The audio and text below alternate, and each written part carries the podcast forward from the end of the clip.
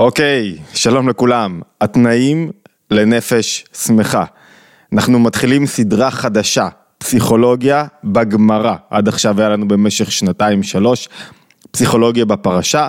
אנחנו ננסה להוסיף, לא בטוח כל שבוע, סדרה חדשה שלוקחת סוגיה מהגמרא, מהתלמוד, ומנסה לבחון אותה בהיבטים הפנימיים שלה. יש סודי סודות ורבדים על רבדים בתוך לימוד הגמרא, ננסה לעשות את זה תמיד בסוגיה ספציפית. הסוגיה שלנו הפעם היא מסכת כתובות. י"ז. אנחנו נתחיל קודם כל את הסוגיה ואז נראה דרך הפרשנויות שלה, נפתח את הנושא שלנו ואת התובנות בתחום תורת הנפש שנרצה להוציא מהסוגיה. תנו רבנן, שנו חכמים, כיצד מרקדין לפני הכלה? שיר נפלא. זה בכלל שאלה, מה זאת אומרת כיצד מרקדים לפני הכלה? זאת אומרת, מה זו השאלה הזאת בכלל? בואו נראה מה התשובה ולפי זה אולי נבין את השאלה. אומרים בית שמאי, כלה כמות שהיא, זאת אומרת כיצד מרגלים לפני הכלה, כיצד שמחים, מה אומרים לכלה בזמן הריקוד בערב החתונה שלה, זה הפירוש הפשוט. בית שמאי אומרים, כלה כמות שהיא, זאת אומרת, אומרים לכלה, מה שהיא, אם היא יפה בהיבטים הפנימיים והחיצוניים, אומרים, משבחים אותה בהיבטים הפנימיים והחיצוניים, בית הלל אומרים, כלה נאה וחסודה. מה זאת אומרת? איך אתם מעזים לדבר ככה? מה זה הדיבור הזה? כל כלה היא נאה וחסודה, כל אישה יפה, כל אישה יש לה יתרונות. כמובן שלא מדובר פה רק בכלה, תכף נראה בפרשנות הפנימית, כלה זה לא רק האישה. כל אישה יש לה, חסרונות, יש לה מעלות ויתרונות. אומרים להם בית שמאי לבית הלל, ננסה רגע להבין את הסוגיה ותכף נוסיף את הפרשנויות. הרי שהייתה חיגרת אסומה או עם עיוורת או יש לה איזה פגע מסוים, אומרים לה, כלה נאה וחסודה. הרי התורה אמרה מדבר שקר תרחק, כתוב בספר שמות. זאת אומרת, אדם צריך שתהיה לו כנות מינימלית. אתה לא יכול לבוא לחתונה של דוגמנית צמרת, להגיד לה איזה יפה, ולבוא לחתונה של מישהי שהיא לא דוגמנית צמרת, שיש לה איזה ולא נראית, ולהגיד לה וואו. איזה יפה, נו, צריך להיות קצת קשורים למציאות, אי אפשר לתת מחמאות שלא קשורות למציאות, אי אפשר לשקר, אומרים בית שמאי. אומרים להם בית הלל לבית שמאי, לדבריכם, מי שלקח מקח רע מן השוק, זאת אומרת, קנית משהו מסוים, חזרת עם בגד מסוים, אמרת וואו איזה בגד יפה קניתי מן השוק ואתה עכשיו מראה את זה לבן הזוג שלך, לבת הזוג שלך, בת הזוג מסתכלת על הבגד, מה אתה מצפה שהיא תגיד? ישבחנו בעיניו או יגנהו בעיניו? מה היא אמורה להגיד? איזה בגד מכוער, איך בחרת את הדבר המכוער הזה? לא, אומרים בית הלל, הווי אומר ישבחנו בעיניו. זאת אומרת, בוודאי שתגיד איזה דברים טובים. מה יצא לך מזה עכשיו שתגיד איכס, מה זה, זה לא יפה. למה קנית דווקא את המוצר הזה עם הפגם? למה קנית במקום הלא מוצלח הזה? מה יצא מזה? לא יצא מזה שום דבר, אין בזה שום ערך. מי מתנהג ככה? מכאן אמרו חכמים, לעולם תהא דעתו של אדם מעורבת עם הבריות. זאת אומרת, המסקנה על פי בית הלל, תמיד צריך לנהוג בנימוס עם הבריות. בחרת בכלה, החבר שלך בחר בכלה מסוימת, תשבח אותה. נאה וחסודה, כלילת המעלות, מה אכפת לך? מה אתה עכשיו צריך למצוא פגמים בהקלה של החבר שלך? מה זה הדבר הזה? כבר מקריאה פשוטה של הדיון הזה במסכת כתובות, ברור לנו שהדברים לא כפשוטם. מי הכלה? הכלה היא כנסת ישראל, אנחנו יודעים שהיא נקראת כלה, הכלה זה החיים עצמם, מה זה הכלה? מה זאת אומרת? הרי בוודאי שאנחנו לא שואלים את עצמנו איך אני, בתוך הריקוד, איך אני יבוא לחתונה, מהי החתונה, החתונה זה החיים, על מה מדובר, מהם הפרשנויות הפנימיות שחכמים מבקשים להציע לנו בתוך הגמרא הזאת, כי אם קוראים את הדבר כפשוטו, יש פה דיון איום ונורא אפילו, אדם בא לחתונה והוא שואל את עצמו רגע, איך אני צריך, קודם כל עד כמה אני צריך לשמוח, אם אתה הולך לחתונה של זוג שהוא ככה מקובל, מוכר, מפורסם, נאה, יפה, אז אתה צריך להיות יותר בשמחה לעומת זוג שהוא, נו, החיים לא שפרו עליו ואיכשהו הם התחתנו. ויותר מזה, כשאתה בא לרקוד, ואתה אומר לכלה כמה את יפה, למרות שזה לא שייך, מי אומר לכלה כמה את יפה, זה לא התפקיד שלך, אין בזה צניעות, אבל נניח ואתה אתה, אתה, משגר איזה מחמאה, אז אתה צריך לשגר מחמאה על פי בית שמאי, מזל טוב, ועל פי בית הלל, יואו, איזה מושלם, כמה יפה, נפלא. מי צודק? מה נכון? מה מסתתר לנו פה מאחורי הדיון הזה של חכמים? זו השאלה שלנו היום, ומה שמסתתר זה איך אפשר באמת לרקוד ולשמוח בחיים הללו. מהם התנאים לנפש שמחה? אני רוצה להציג, נתנו פרומו, אני רוצה להציג סדרה של פרשנויות, מפרשים שדרכם ננסה להבין את הגמרא הזאת וננסה להבין כמובן את שאלת המפתח. איך שמחים בעולם, כיצד מרקדין לפני הכלה, מי הכלה, מי צריך לרקד ולפני מי אנחנו מרקדים ולמה. בואו נתחיל דווקא, בין הפרשנים שלנו יהיה הרשש רבי שלום מזרחי שרעבי, הנתיבות עולם, המהר"ל מפראג, רש"י, רשב"א, בעל שם טוב, אדמו"ר הזקן, הרבי, הרש"ב, נראה מה נספיק, אני לא רוצה שהשיעור יהיה ארוך מדי, אה, אבל בואו נתחיל דווקא עם נתיבות עולם, עם המהר"ל מפראג. המהר"ל מפראג אומר ככה, אומר המהר"ל אומר ככה, פירוש כי אין נקרא זה דבר שקר. זאת אומרת, הוא מסנגר כרגע המהר"ל על אה, נתיבות עולם, על דווקא על בית הלל. הוא אומר, אתה לא משקר כשאתה נותן למישהו מחמאה. אתה לא משקר כשאתה אומר לבת הזוג של חבר שלך מחמאה, אתה לא משקר.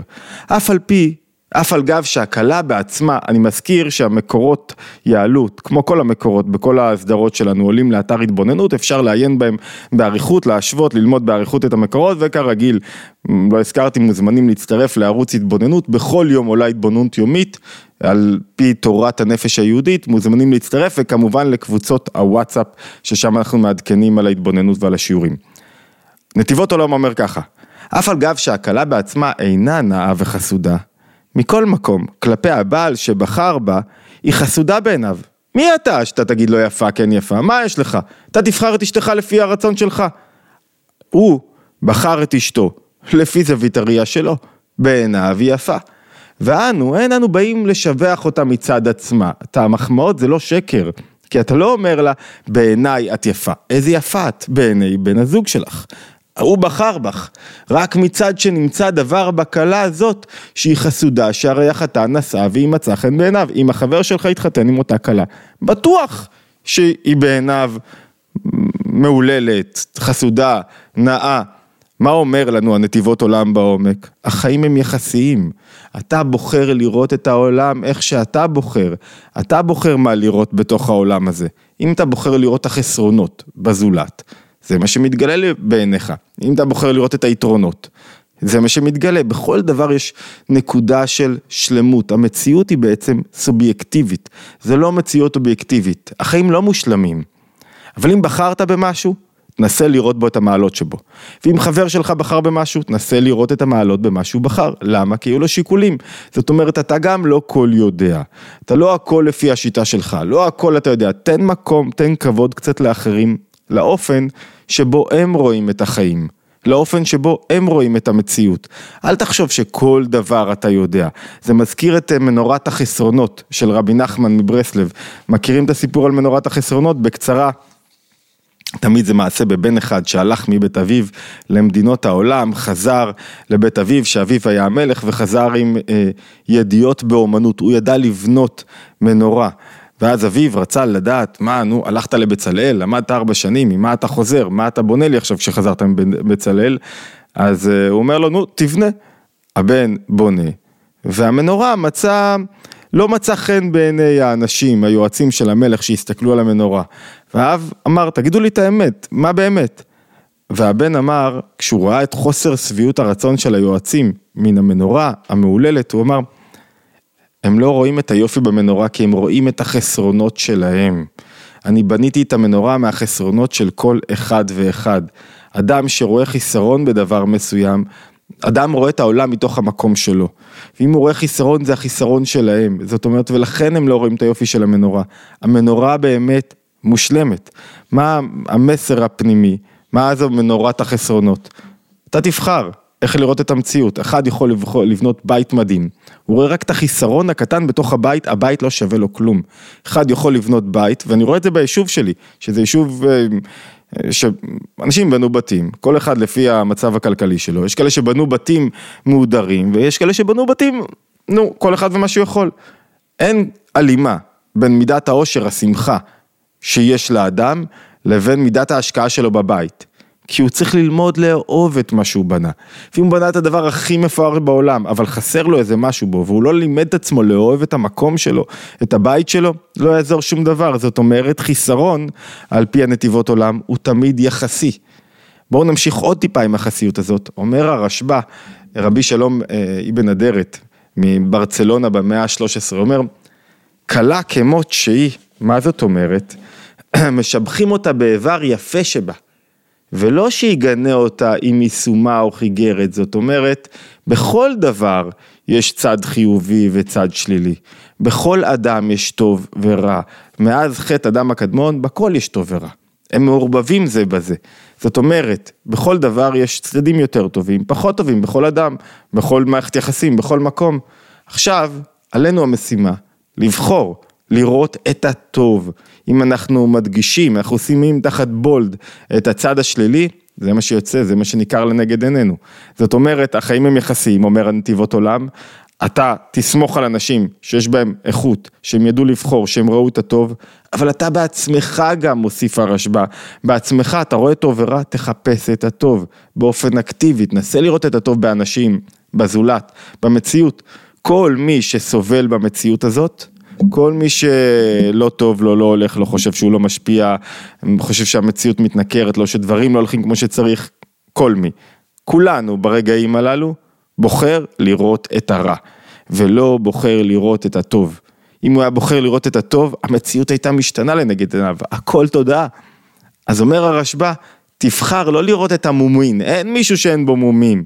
כל אדם יש לו זווית מסוימת בגוף שבה הוא נראה מושלם, זווית אחרת שבה הוא נראה כמו קיפוד ים, שבה הוא נראה פחות. תמיד לכולם יש איזה פגם. תבחר לראות את הטוב בעולם החיצוני, בעולם הפנימי. ואפשר לראות את הטוב רק כשאני מתחבר לנקודה פנימית, כשאני מכניס קצת פנימיות לתוך המציאות. בואו נוסיף על זווית המסלול הזה את הרשש, רבי שלום מזרחי שרעבי אה, כתב על כתבי הארי, מקובל בולט מתימן, הוא כותב ככה, יש לי חבר, יניב מזומן, שכתב עליו דוקטורט על, על, אה, על הגותו של הרשש, הוא כותב ככה, אומר משהו מאוד יפה. יש לדקדק, אומר הרשש, על התיבות לדבריכם. זוכרים, בית הלל אומרים לבית שמאי, לדבריכם, מי שלקח מקח רע מן השוק, ישבחנו או יגננו. מה זאת אומרת לדבריכם? מה, זה, זה כאילו אמור להיות עניין אוניברסלי, איך מתנהגים, יש כזה דבר שנקרא בדיסוננס קוגנטיבי, שלאחר מכירה האדם משכנע, לאחר קנייה, ביצעתי איזה רכישה, אז או שאני נופל להלקאה עצמית, או שאני משכנע את עצמי שמה שרכשתי, אני בדיוק צריך אותו. מה אתה צריך עכשיו עוד אה, שואב אבק שלא עובד? אבל אתה משכנע את עצמך, אני צריך אותו, הוא טוב לי. למה להוריד לאדם? למה להוריד? למה לגרום לאדם להרגיש פחות טוב עם עצמו? להפך, תגרום לו להרגיש טוב עם עצמו.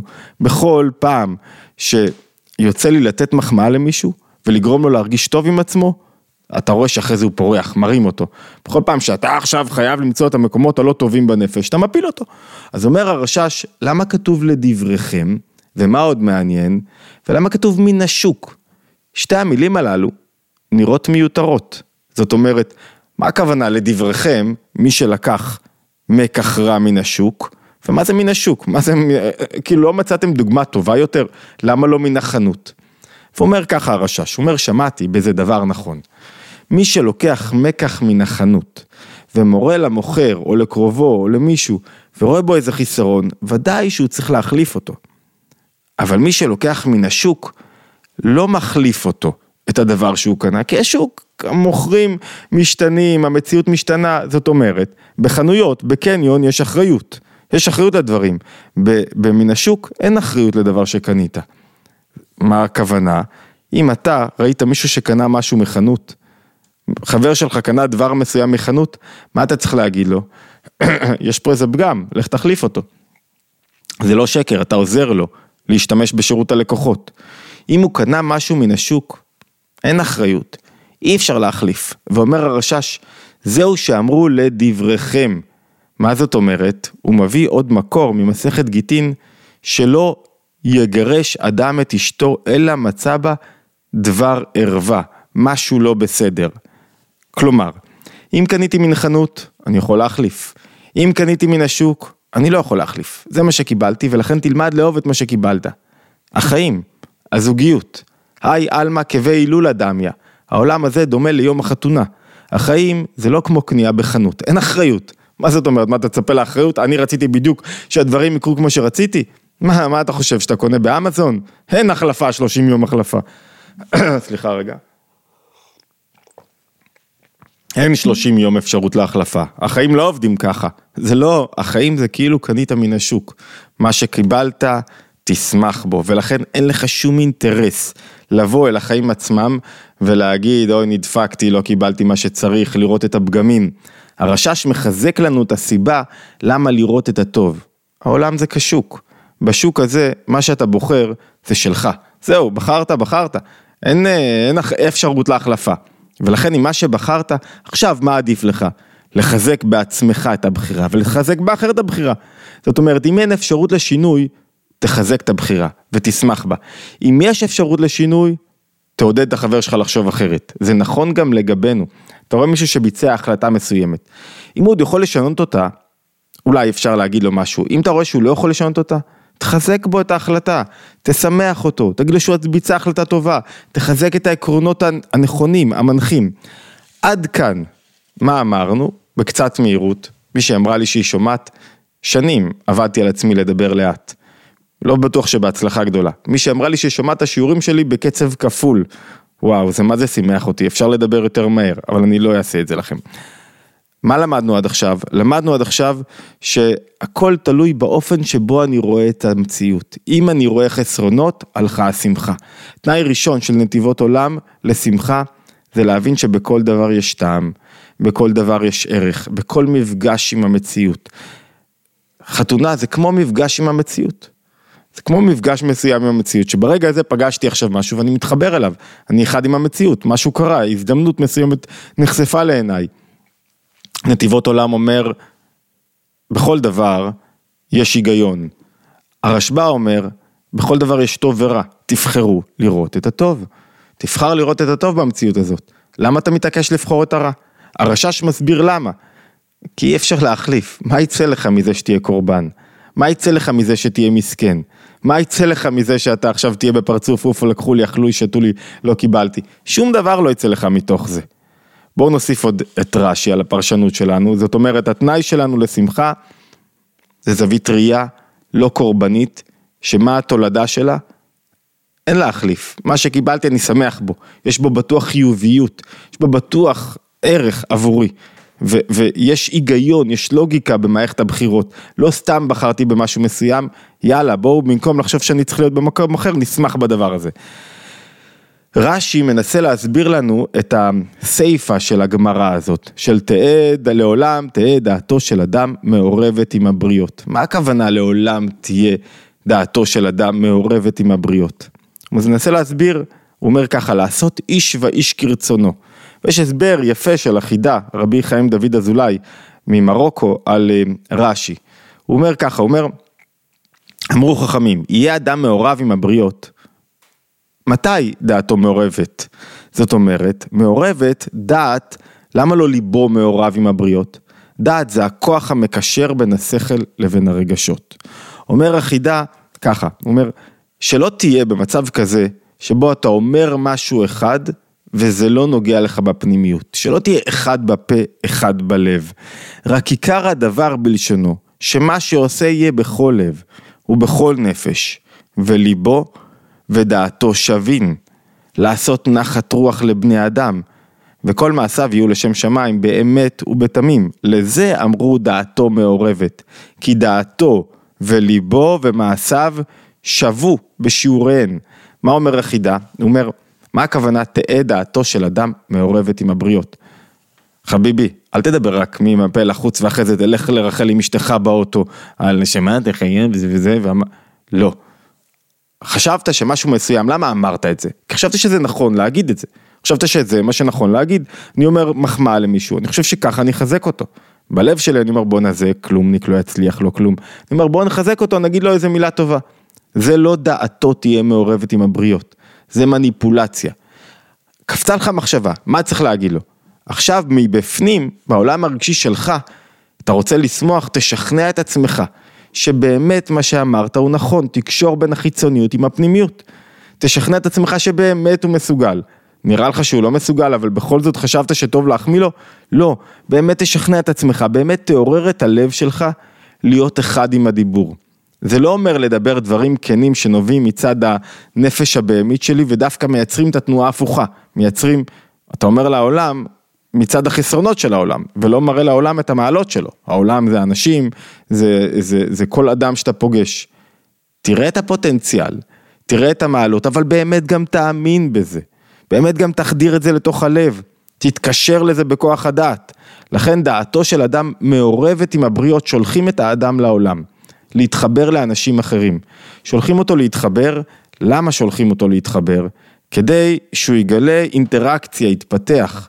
הוא לא יכול בחיבור הזה להיות רק חיצוני, בכלל. יש מערכות יחסים חיצוניות, יש מערכות יחסים פנימיות. מערכות יחסים פנימיות, יחסים פנימיים, עמוקים יותר, בעלי ערך הרבה יותר גבוה מאשר יחסים חיצוניים, כי אתה הבאת את עצמך למערכת היחסים. זה אחידה, ולכן שמחה זה לא שיש לי נפש מפולגת, אחד בפה אחד בחוץ. שמחה קשורה בזה שאני אדם שלם. הפנימיות שלי, אני עובד על זה, זה לא טבעי, מחוברת עם החיצוניות שלי. ואז אי אפשר לתפוס אותי על שקרים קטנים, על מניפולציות, על אמרתי למישהו משהו. תחשבו איזה נורא. אמרתי למישהו משהו, בואנה אתה אלוף, איזה טוב אתה. היה לי שיח עם איתן עזריה באחד הקורסים, שאנחנו אומרים לפעמים לאנשים איזה טוב אתה, איזה אלוף אתה. ואז תאר לך שיתפסו אותנו, מדברים בצד, ואני אומר, אלוף, זה כלומניק, זה רק כסף, זה יצליח. לא, אתה לא יכול לנהוג בקט... באופן הזה.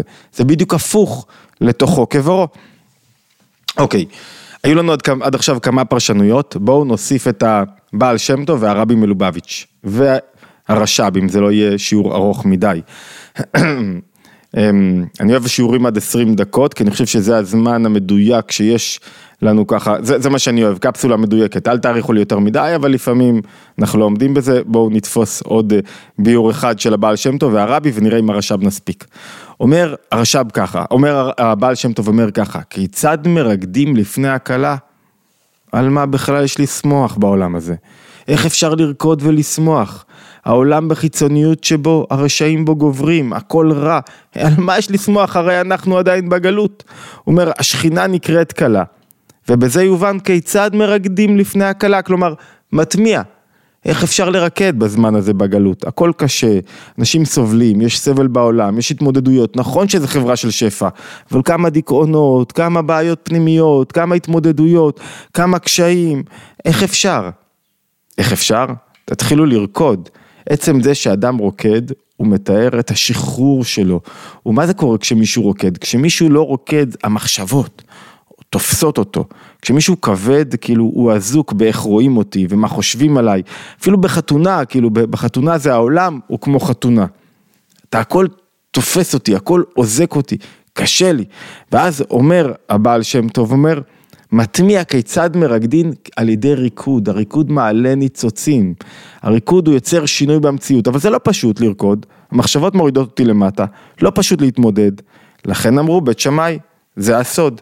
אם אתה מצליח לשחרר קצת את המחשבה, אם אתה מצליח לראות טוב, תשמח על מה שאתה מצליח לראות טוב, זאת אומרת, בפנימיות העולם הוא טוב וחיובי אומרים בית שמאי. בית שמאי הם מלשון שמאות ומדידה. העולם טוב, חיובי, אבל קשה לתפוס את זה, קשה לראות את זה, בכל, כל, בגלל כל ההתמודדויות שיש לכל אחד מאיתנו. אה, מה עושים? תרקוד, אבל במינימום, קצת, כאילו, תנסה לתפוס, פה קצת, פה קצת, קצת להזיז את עצמך, קצת, קצת להסיר בגדים צועים, קצת יותר לפתוח את המרחב. בית הלל אומרים, לא, אל תסתפקו. לכתחילה הריבר, נסו מלכתחילה לשנות את כל זווית הראייה. נכון שכלפי חוץ העולם נראה קשה ורשעים בו שולטים, אבל מבפנים המשימה היא להסיר בגדים מצויים, כל מה שמפריע לי לראות את הטוב שבעולם, מהניצוצין ולקשתה, לראות את הכלה, המציאות, כמה היא מלאה אור ויופי, כמה השכינה שורה בתוך העולם. כמה באמת העולם נאה וחסוד, כמה העולם עוגן. באתי לגני, אמרנו, הרבי הרייץ, השישי של חב"ד, מסיים את חייו שהיו מלאי קושי והתמודדויות, הוא עבר את השואה, הוא עבר את היבסקציה, אירועים בלתי נתפסים בחייו, כל, איבד את רוב חסידיו בשואה, נמלט ממאורעות המשטר הסובייטי, ואם לא היה לנו שואה היינו מדברים הרבה יותר על המשטר הסובייטי שבו היה הריכוז הכי גדול של העם היהודי, המרכז היהודי הגדול בעולם, והוא סבל בצורה בלתי יוצאת דופן. איך הוא מסכם את חייו בתש"י 1950? במאמר, זה הצבא האחרונה שלו. באתי לגני, העולם באמת בפנימיות שלו הוא גן, הוא מלא טוב, רק מה? והוא עצמו סבל מקשיים בריאותיים ועוני מאוד חריף בחלק ניכר בחייו והתמודד עם המון בעיות בריאותיות. איך הוא סגר רבי יוסף יצחק את, את, ה, את, ה, את ההשקפה, את המאמר האחרונה שלו, את הצוואה הרוחנית שלו? העולם מוגן, מלא אור ויופי וטוב, בית הלל, אלא מה? צריך לרקוד, צריך להתאמץ כדי לראות את זה. למרות השואה, למרות האפסקציה, קשה לנו לתפוס, למרות האובדן, למרות הקושי הגופני, למרות העוני. בפנימיות, העולם יש לו מה להציע לנו, אין סופיות, זה גנו של הבורא. כי אם אנחנו חושבים שזה לא גן, כאילו אמרנו, יש פה בורא שלא טבע טבעו להיטיב, אלא יש פה בורא שרוצה להערה, חס ושלום. ובורא שלא מגלה לנו את הסדר בעולם, את הפך הסדר. הפך ההיגיון האנושי והאמוני. אוקיי, אז אומר הבעל שם טוב, כיצד מרקדין? תרקדו! בפנימיות יש לך את מלוא הפוטנציאל לשמוח. אל תאמין לאלה שמנסים למכור לנו פסימיות וחוסר אמון בעולם ושהכל מידרדר, הכל הולך לכיוון חיובי, גם אם לא נראה ככה כרגע בחיצוניות. טוב, פרשנות נוספת. מעבר לריקוד שזה בעצם אחרי המעשים נמשכים הלבבות, אחרי התנועה שלי שאני בכוח מבין את העולם ויוצא לרקוד, שזה תנאי לשמחה, שאני לא מוותר לעצמי, לא נותן לחיצוניות לשלוט בי. הרבי מלובביץ' אומר, כיצד מרקדין בפני הכלה, השאלה שמתחבאת בו זה מה הפוטנציאל שאנחנו יכולים לגלות במציאות. עד כמה באמת אפשר לגלות את הפוטנציאל הפנימי שלנו, כמה אור אנחנו ממשיכים לחיים, לחיים שלנו, מה מגביל את האור שלנו בחיים שלנו, איך אנחנו יכולים לצמוח. ואומר יש פה שתי דעות, בית הלל, בית שמאי. בית הלל, בית שמאי אולי נתחיל בהם, הם מלשון שמאות אמרנו. הכל צריך להיות מדוד. האור, החיות, השמחה שהאדם מביא לחייו, מה שהוא ממשיך בקשר בינו לבין הבורא. כלה, נאה וחסודה זה הקשר של האדם עם הבורא, כיצד רוקדים לפניה? בית, בית שמאי אומרים, לפי מידת המאמץ של האדם. הכל תלוי במושג שנקרא התערותא דלתתא, התעוררות מלמטה. במידה שבה האדם עושה מאמץ, ככה פותחים לו שערים. לא תזוז, לא תעשה מאמץ, תשב כל היום, תעשן ו... ותחלום, לא יקרה שום דבר. אתה חייב לעשות מאמץ מצידך, וכמידת המאמץ, ככה המידה שפותחים לך מלמעלה. זאת אומרת, כיצד מרקדים, תלוי בתחתונים, בעבודה של התחתונים, אולי נקרא את זה קצת בלשונו של הרבי. בית שמאי אומרים קלה כמות שהיא. מבואר בליקוטי תורה, הוא מביא את זה על פי אדמו"ר הזקן, שבית שמאי שורשה מבחינת הגבורות. והוא אומר, דהיינו ששוקל דרכיו איך ומהו, וזהו קלה כמות שהיא.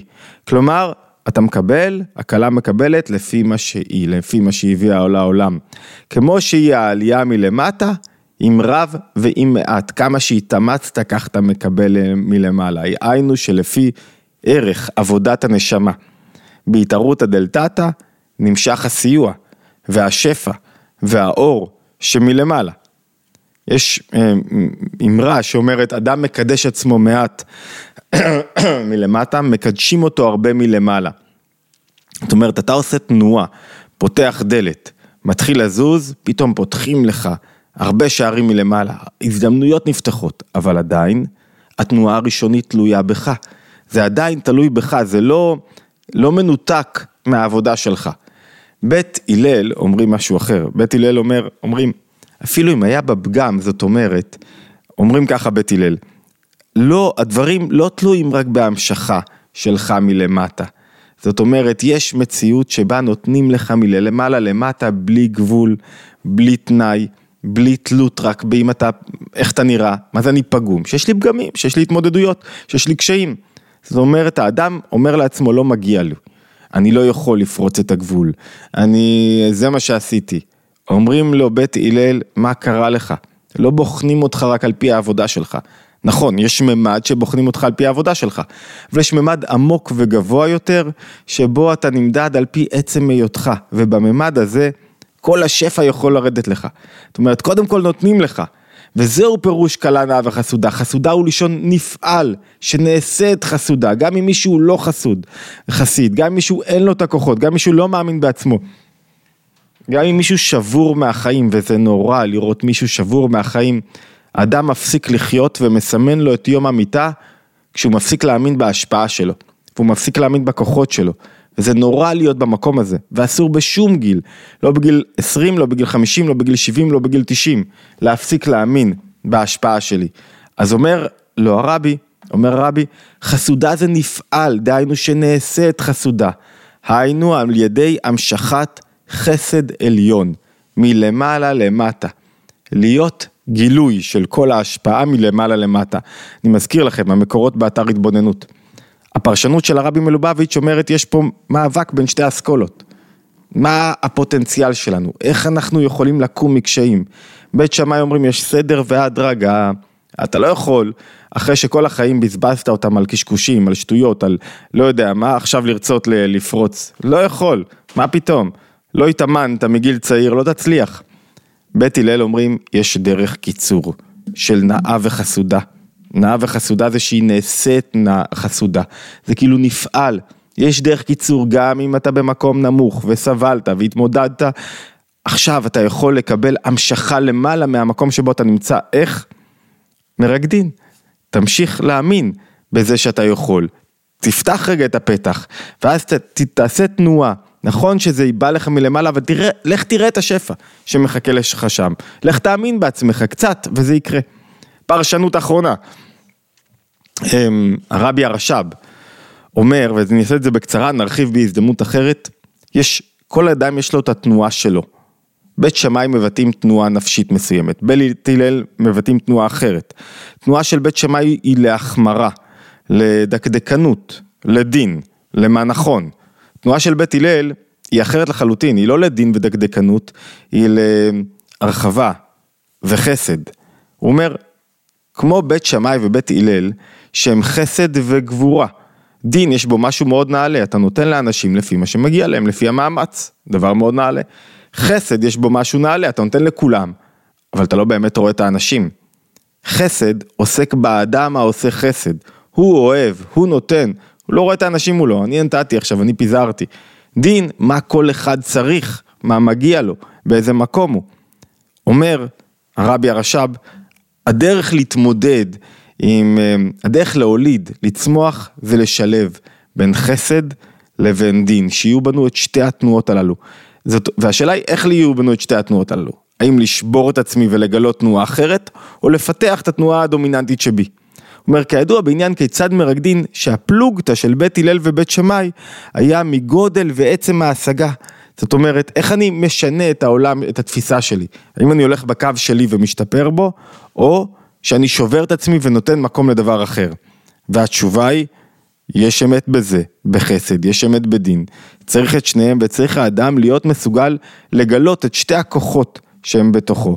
יש אחד יותר דומיננטי, אבל לקלות את שתיהם, נאריך בזה בפעם הבאה. אוקיי, היו לנו פה מגוון פרשנויות, שכולם בעצם הציבו לנו את התנאים לנפש שמחה.